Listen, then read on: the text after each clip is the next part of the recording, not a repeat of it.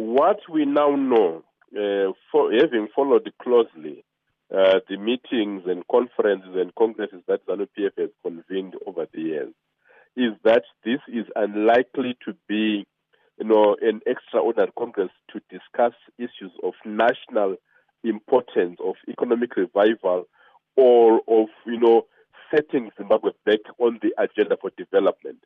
But this is really uh, all with factionalism, uh, positioning uh, of individuals, and seeking to outdo each other. So it's about succession. It is really about uh, pushing uh, preferred, you know, individuals uh, in a position to succeed Mugabe. So this is likely to be the entire agenda of this proposed extraordinary Congress.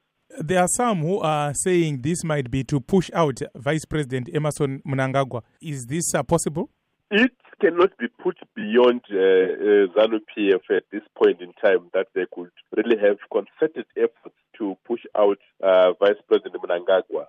Uh, but generally, uh, it would appear that Mugabe would have wanted to move, and usually he has done this in the past, to make such far-reaching decisions following elections.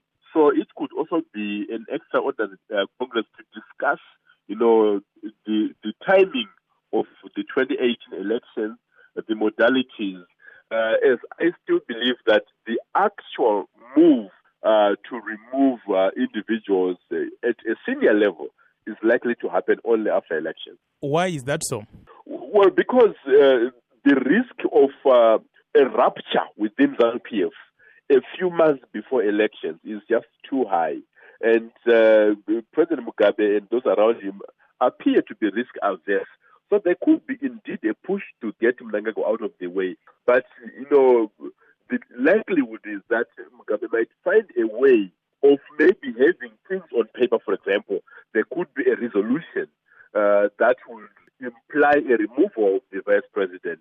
But its implementation is likely to happen when ZANU PF and uh, President Mugabe feel that they are in a very strong position politically, which is only when they have one way or the other post election when they believe that they are in a sound position uh, to deal with you know rivals within the party without a fear of losing elections.